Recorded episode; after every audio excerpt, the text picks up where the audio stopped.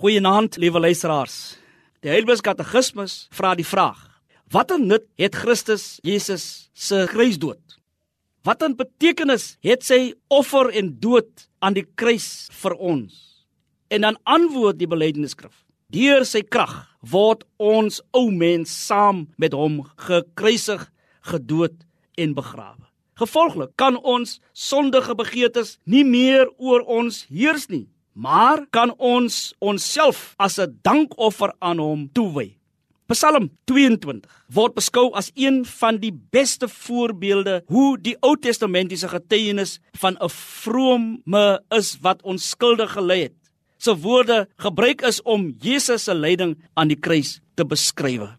In hierdie Psalm word 'n hele aantal ondervindings van die bidder beskryf en party van hulle het amper letterlik net so op die lydenspad van Jesus gekom veral toe hy aan die kruis gehang het en nadat hulle sy hande en voete vasgebind het.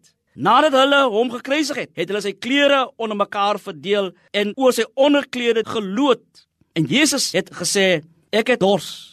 My verhemelte kleef teen my vas. Die mense wat op goeie vrydag die stad van die noordekant af binne gekom het om die paasfees te vier het hulle nie erkende paaslam aan die kruis verag. En almal wat hom gesien het het met hom gespot en gesê hy het op God vertrou. Laat God hom nou red as hy dan behaai het.